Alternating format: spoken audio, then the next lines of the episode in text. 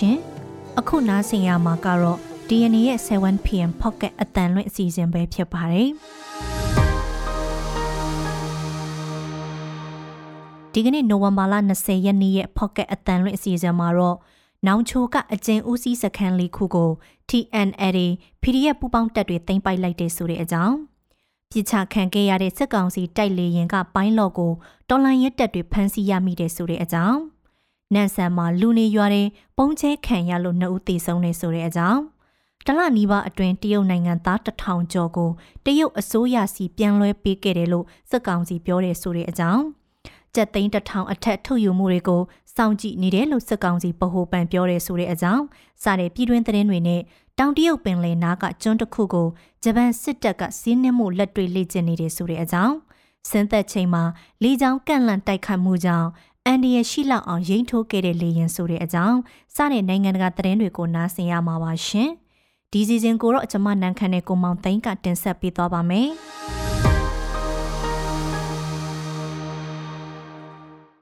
အခုပြည်ရင်းသတင်းများကိုတင်ဆက်ပေးပါမယ်။ပထမအဦးဆုံးသတင်းတစ်ပုဒ်အနေနဲ့နောင်ချိုကအချင်းဦးစီးစခန်းလေးခုကို TNL PDF ပူးပေါင်းတပ်သိမ်းပိုက်တဲ့သတင်းကိုပြောပြပေးပါမယ်။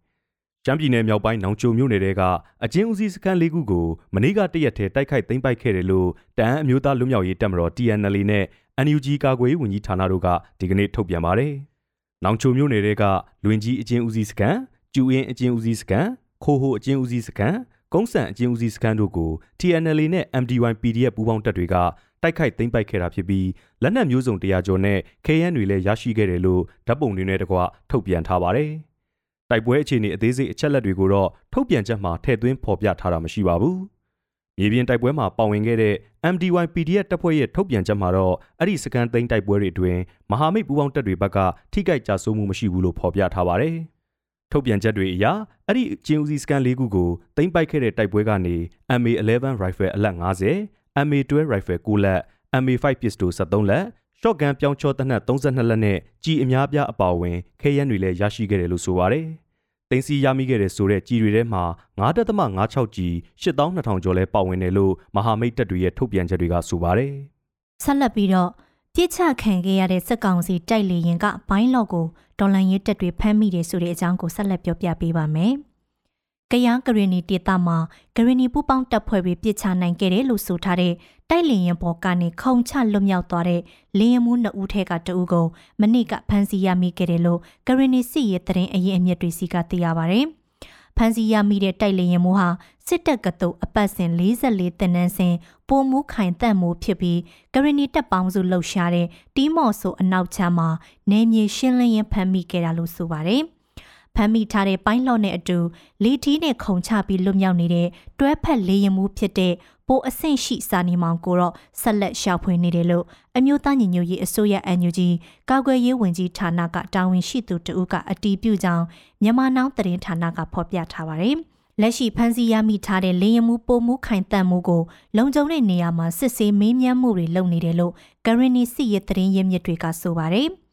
ကယားဂရနီဒေတာမှာတစ်လေးလုံးစစ်စင်ရေးစတင်ခဲ့တဲ့ပထမဆုံးရဲ့နိုဝင်ဘာလ17ရက်နေ့မှာပဲပူပေါင်းတပ်ဖက်ကဖရူဆိုမြို့နယ်တနေရာမှာစစ်ကောင်စီတိုက်လေရင်တစည်းကိုလေရင်ပစ်ဆက်တဲ့9.5နဲ့ပစ်ချနိုင်ခဲ့ပြီးတော့လေရင်မှုနှစ်ဦးကအရေးပေါ်လေထီးတွေနဲ့ခုန်ထွက်နိုင်ခဲ့တာပါ။ဂရနီပူပေါင်းတပ်တွေပစ်ချခဲ့တဲ့တိုက်လေရင်အပြက်အစည်းကိုကရင်ပြည်နယ်တန်တောင်ကြီးမြို့နယ်ကကမာတီပိုလီနဲ့မယောပိုလီရွာကြားက တောင်ရတဲအနီးမှာတွေ့ရှိခဲ့တယ်လို့အမျိုးသားညီညွတ်ရေးအစိုးရ NUG ကနိုဝင်ဘာလ12ရက်မှာထုတ်ပြန်ထားပါတယ်။စစ်ကောင်စီပြောခွင့်ရပိုးချုပ်စော်မင်းထွန်းကတော့အဲ့ဒီလေရင်ဟာပြစ်ချခံရတာမဟုတ်ပဲလေ့ကျင့်ချိန်မှာစက်ချုပ်ရင်ပြီးတော့ပြက်ကျခဲ့တာဖြစ်တယ်လို့ပြောထားသလိုလေရင်မိုးနှစ်ဦးနဲ့လည်းအဆက်အသွယ်ရထားပြီလို့ဆိုထားတာပါနောက်ထပ်သတင်းတစ်ပုဒ်အနေနဲ့နတ်ဆန်မှာလူနေရွာတဲ့ဘုံကျဲခံရလို့နှစ်ဦးသေဆုံးတဲ့အကြောင်းကိုပြောပြပေးပါမယ်။ ရှမ်းပြည်နယ်မြောက်ပိုင်းတအန်းကိုပိုင်အုပ်ချုပ်ခွင့်ရဒေသနန်းဆန်မြို့နယ်မြို့တစ်ကျွော်မှာစစ်ကောင်စီဟာမင်းညကတိုက်လေရင်နဲ့ဘုံကျဲချလို့အရက်သား2ဦးသေဆုံးပြီး10ဦးဒဏ်ရာရသွားတယ်လို့တအန်းအမျိုးသမီးအဖွဲ့ TWO ကပြောပါတယ်။အဲ့ဒီဘုံကျဲတိုက်ခိုက်မှုကြောင့်အမျိုးသား2ဦးနဲ့ကလေး2ဦးသေဆုံးခဲ့ပြီးအမျိုးသမီး6ဦးနဲ့အမျိုးသား2ဦးဒဏ်ရာရက2ဦးကဒဏ်ရာပြင်းထန်တယ်လို့တအန်းအမျိုးသမီးအဖွဲ့ကပြောပါတယ်။ စစ်ကောင်စီကမနေ့ည10နာရီဝန်းကျင်မှာလေကြောင်းကဘုံကျဲတိုက်ခိုက်ခဲ့ချိန်အဲ့ဒီအနီးတစ်ဝိုက်မှာတိုက်ပွဲဖြစ်နေတာမရှိဘူးလို့လည်းဆိုထားပါတယ်။ရှမ်းမြောက်ဒေသတွင်းမှာစစ်ကောင်စီနဲ့လက်ရှိတိုက်ပွဲဖြစ်နေတဲ့ညီနောင်မဟာမိတ်သုံးဘွဲရဲ့နေ့စဉ်စစ်ရေးသတင်းထုတ်ပြန်ချက်တွေအရလက်တလောတပတ်လောက်အတွင်းနန်းဆန်မြို့နယ်ထဲမှာတိုက်ပွဲဖြစ်ခဲ့ကြောင်းမှတ်တမ်းမတွေ့ရပါဘူး။ဒါပေမဲ့နတ်ဆန်မြို့နယ်နဲ့နယ်နိမိတ်ထိစပ်နေတဲ့ကြောင်မဲမြို့နယ်အတွင်းမှာတော့ TNLA PDF ပူးပေါင်းတပ်တွေနဲ့စစ်ကောင်စီတပ်တွေနေ့စဉ်ရက်ဆက်တိုက်ပွဲတွေဖြစ်နေတာရှိပါတယ်။ တအံအမျိုးသားလူမျိုးရေးတပ်မတော် TNL ကလည်းအဲ့ဒီဘုံကျဲတိုက်ခိုက်မှုဟာလူနေရွာတဲ့ပေါင်900ဘုံကျဲချတိုက်ခိုက်ခဲ့တာလို့ထုတ်ပြန်ထားပြီးမြို့တစ်ကျွော်နေတားဆန်တော်စုသူရဲ့နေအိမ်ပေါ်ကြာရောက်ပောက်ကွဲတာကြောင့်ကလေးတူအပါဝင်2ဦးသေဆုံးက9ဦးဒဏ်ရာရခဲ့တယ်လို့ဖော်ပြထားပါတယ်။စစ်ကောင်စီဟာဒီကနေ့နေ့လယ်ပိုင်းမှာလဲနတ်ဆန်မြို့ကိုလက်နက်ကြီးတွေနဲ့ထပ်မံပစ်ခတ်တိုက်ခိုက်နေပြီးနေ့လယ်တနာရီထိစုစုပေါင်းလက်နက်ကြီး12လုံးပစ်ခတ်ပြီးပြီလို့ TNL ကဆက်လက်ထုတ်ပြန်ထားပါတယ်။ဆက်လက်ပြီးပြောပြချင်တဲ့အကြောင်းကတော့ တလနီးပါအတွင်းတရုတ်နိုင်ငံသားတထောင်ကျော်ကိုတရုတ်အစိုးရစီပြန်လွှဲပေးခဲ့တယ်လို့စစ်ကောင်စီပြောတယ်ဆိုတဲ့အကြောင်းပါ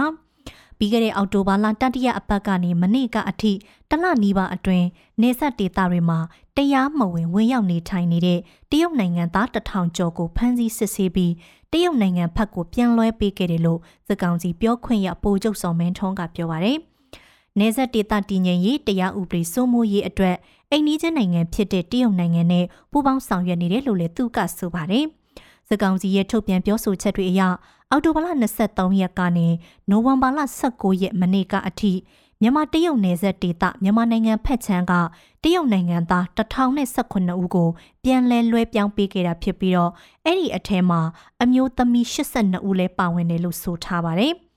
နိုင်ငံနယ်စပ်ဒေသတွေမှာအခြေပြုတဲ့ online လောင်းကစားနဲ့အွန်လိုင်းငွေလိမ်ကိုင်းတွေကိုတိုက်ဖြတ်ဖို့တရုတ်နိုင်ငံကစစ်ကောင်စီကိုအကြိမ်ကြိမ်တိုက်တွန်းမှုတွေရှိခဲ့ပေမဲ့ညီနောင်မဟာမိတ်သုံးဖွဲ့ရဲ့ရှမ်းမြောက်ထိုးစစ်ပေါ်ပေါက်လာပြီးတဲ့နောက်မှာမှစစ်ကောင်စီဟာအဲ့ဒီကိစ္စကိုတင်းတင်းကြပ်ကြပ်ကိုင်းတွယ်လာတာပါရှမ်းမြောက်ဒေသမှာတိုက်ပွဲတွေပြင်းထန်လာတဲ့ကာလအတွင်းမှာပဲစစ်ကောင်စီဟာတရုတ်အစိုးရကအလိုရှိနေတဲ့လောက်ကင်မြို့ကဩဇာကြီးမားတဲ့ ကိုကန့်တထေမိသားစုမြေမိသားစုဝင်တွေကိုဝရမ်းထုတ်ခဲ့သလိုချက်ချင်းဆိုသလိုဖမ်းဆီးပြီးတော့လွှဲပြောင်းပေးခဲ့ပါတယ်။အဲ့ဒီမြေမိသားစုဝင်တွေကိုဖမ်းဆီးရမှာအတိကကြတဲ့ကိုကန့်တထေမြေလျှောက်ချန်ဟာကိုကိုကိုတနက်နဲ့ပြစ်ခတ်ပြီးတော့အဆုံးစီရင်ခဲ့တယ်လို့စစ်ကောင်စီကထုတ်ပြန်ခဲ့ပါတယ်။အဲ့ဒီဖြစ်ရဲ့အပေါ်မှာလဲလက်တွေ့အခြေအနေနဲ့ကွဲလွဲမှုတွေရှိနိုင်ကြောင်းသုံးသပ်မှုတွေရှိနေပါတယ်။နောက်ဆုံးသတင်းတစ်ပုဒ်အနေနဲ့ ကြက်သိန်းတစ်ထောင်ထက်ထုတ်ယူမှုတွေကိုစောင့်ကြည့်နေတယ်လို့စစ်ကောင်စီဗဟိုဘဏ်ပြောတဲ့အကြောင်းကိုပြောပြပေးပါမယ်။ပုဂ္ဂလိကဘဏ်တွေကနေကြက်သိန်းတစ်ထောင်ထက်ထုတ်ယူတဲ့ပမာဏအားလုံးကိုဗဟိုဘဏ်အပြင်အထူးစုံစမ်းစစ်ဆေးဌာနစသုံးလုံးနဲ့ငွေကြေးဆိုင်ရာစုံစမ်းထောက်လှမ်းရေးအဖွဲ့ FIU ကအနီးကပ်စောင့်ကြည့်နေတယ်လို့စစ်ကောင်စီဗဟိုဘဏ်ကထုတ်ပြန်ပါတယ်။ ပြီးခဲ့တဲ့နိုဝင်ဘာလ18ရက်ကရန်ကုန်မှာရှိတဲ့ပုဂ္ဂလိကဘဏ်တချို့ကနေငွေထုတ်ယူမှုများပြားခဲ့ပြီး special account တွေကိုပါငွေပမာဏအကန့်အသတ်နဲ့ထုတ်ယူခွင့်ပြုပြီးတဲ့နောက်စစ်ကောင်စီဗဟိုဘဏ်ကမနေ့ကထုတ်ပြန်ခဲ့ပြီးအခုလိုပြောဆိုလာတာပါ။ဒါ့အပြင်ငွေကြေးခွာချမှုဗဟိုဘွဲကသတ်မှတ်ထားတဲ့ငွေသိန်းတစ်ထောင်အထက်ကျော်လွန်ပြီးထုတ်ယူတဲ့ပမာဏအလုံးကိုငွေကြေးဆိုင်ရာစုံစမ်းထောက်လှမ်းရေးအဖွဲ့ FIU ကိုပေးပို့ရတယ်လို့မတမာမှုတွေမှာပါဝင်ပတ်သက်နေရင်အရေးယူမယ်လို့လည်းဆိုပါတယ်။ စစ်ကောင်စီလက်အောက်ခံဗဟိုဘဏ်ကအခုလိုပြောဆိုလာတာဟာချင်းချောက်မှုဖြစ်တယ်လို့လေးလာသူတွေနဲ့ပုဂ္ဂလိကဘဏ်တွေကိုပုံမှန်အသုံးပြုနေသူတချို့ကမှတ်ချက်ပြုကြပါဗျ။လက်ရှိမှာဒေါ်လာရင်းအင်အားစုတွေကစစ်ကောင်စီထိန်းချုပ်ထားတဲ့မြို့တွေကိုဇက်တိုက်သိမ်းပိုက်မှုတွေလုပ်နေပြီးစစ်ရေးကာလအတွင်းအဲ့ဒီမြို့တွေကဘဏ်တွေမလဲပတ်နိုင်လို့ငွေထုတ်မရဖြစ်စဉ်တွေကြောင့်တခြားမြို့တချို့ကဘဏ်အသုံးပြုသူတွေဟာကြိုတင်ငွေထုတ်ယူမှုတွေရှိလာတာပါ။ စစ်ကောင်စီကတော့ဗန်တွေမှာပြည်သူများငွေထုတ်ယူရန်လှုံ့ဆော်ရေးသားကဝါဒဖြန့်နေသူတွေကိုလည်းဥပဒေပြဋ္ဌာန်းချက်တွေနဲ့အညီဖော်ထုတ်ရေးယူပြီးထိရောက်ဟန်တာတဲ့ပြည်ဒဏ်တွေချမှတ်နိုင်ဖို့တရားဥပဒေစိုးမိုးရေးအဖွဲ့အစည်းတွေနဲ့ပူးပေါင်းဆောင်ရွက်နေတယ်လို့ထုတ်ပြန်ထားပါတယ်။တက်လက်ပြီးနိုင်ငံတကာသတင်းအစီအစဉ်ကိုနန်းခမ်းကတင်ဆက်ပေးပါမယ်။ နိုင်ငံတောင်ဖက်စွန်းကအဝေးလံတီခေါင်တဲ့ကျွန်းငယ်တစ်ခုမှာဂျပန်ကကမ်းတက်စစ်စင်ရေးတစ်ခုကိုလက်တွေ့လေ့ကျင့်ခဲ့ပါတယ်။ပြီးခဲ့တဲ့သတင်းပတ်ကောင်ကဂျပန်ရေတပ်သမောတစည်းကနေထွက်ခွာလာတဲ့ကမ်းတက်တိုက်ခိုက်ရေးတပ်တွေဟာတူကိုနိုရှိမာကျွန်းရဲ့ကမ်းခြေကိုမဟာဗျူဟာမြောက်စင်းနှမှုတွေလှုပ်ဆောင်ခဲ့ကြပါတယ်။အဲ့ဒီကျွန်းဟာတောင်တရုတ်ပင်လယ်နဲ့ထိစပ်နေတဲ့နေရာမျိုးမှာတည်ရှိပြီးဂျပန်ရဲ့ဒေသတွင်ပြိုင်ဖက်တရုတ်ရဲ့အမြင်မှာတော့ခန်းဆက်ပိုင်းအရာ အားနည်းတဲ့ပြစ်မှတ်တစ်ခုဖြစ်နေနိုင်ကြောင်းစစ်ရေးလေ့လာသူတွေကသုံးသပ်ထားပါတယ်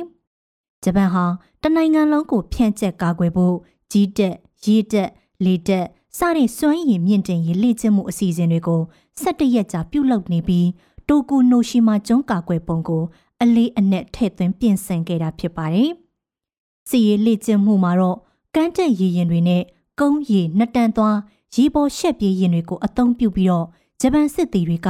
အချိန်တိုအတွင်းကျွန်းကိုစိုးမိုးထိန်းချုပ်နိုင်အောင်လှုပ်ဆောင်ခဲ့ကြပါတယ်။နိုဝင်ဘာလ20မှာပြီးဆုံးမဲ့စစ်ရေးလေ့ကျင့်မှုအစီအစဉ်အတွင်းဂျပန်နိုင်ငံမြောက်ပိုင်းကနျူကလ িয়ার တပ်အားပေးစက်ရုံ၅ခုတပြိုင်တည်းစီးနှင်းခံရမှုကို ခုခံတုံ့ပြန်ပုံတရုတ်တူစစ်စင်ရေးတွေကိုပါထဲ့သွင်းအကောင့်အထည်ဖော်ခဲ့ကြောင်းလည်းသိရပါတယ်။ဂျပန်ဝန်ကြီးချုပ်ဖူမီယိုကီရှီတာက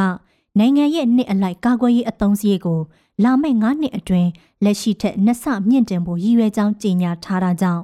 အနာဂတ်မှာအခုလိုစစ်ရေးလေ့ကျင့်မှုတွေကိုပုံမမြင်တွေ့လာရဖွယ်ရှိနေပါတယ်။ဂျပန်ပြည်စောင့်တပ်ဟာတရုတ်နဲ့ရုရှားလိုမျိုးပြည်ပချင်းချောက်မှုအန္တရာယ်တွေကိုထိထိရောက်ရောက်တုံ့ပြန်နိုင်ဖို့အဆင့်မြင့်တင်မှုတွေကိုအပူတပြင်းလှုပ်ဆောင်နေတာလေးဖြစ်ပါတယ်။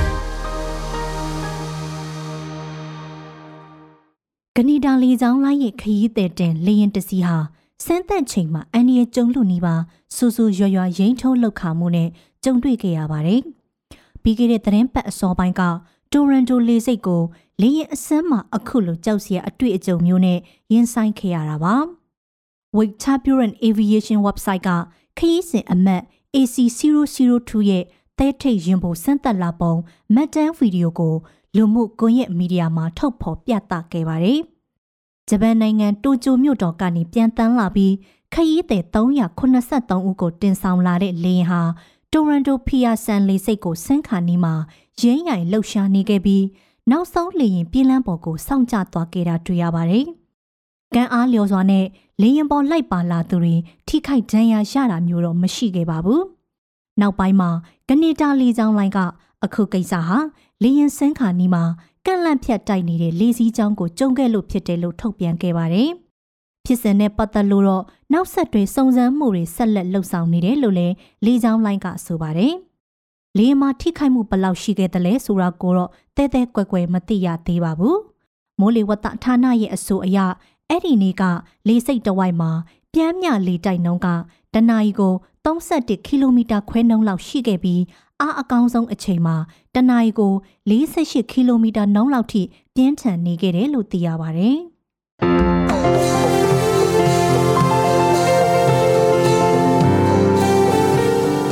DNA ရဲ့ Pocket အတန်ရင်းအစီအစဉ်ကိုအပတ်စဉ်တနင်္လာနေ့ကနေတောက်ကြနေ့အထိည9:00နာရီတိုင်းမှာတင်ဆက်ပေးသွားမှာပဲဖြစ်ပါတယ်။ဒီအစီအစဉ်ကိုတော့ DNA ရဲ့ Facebook Page ကနေအပြင် Anchor, Spotify နဲ့ Google Pocket တို့တွေကနေတဆင့်လဲနားဆင်နိုင်ပါတယ်ရှင်။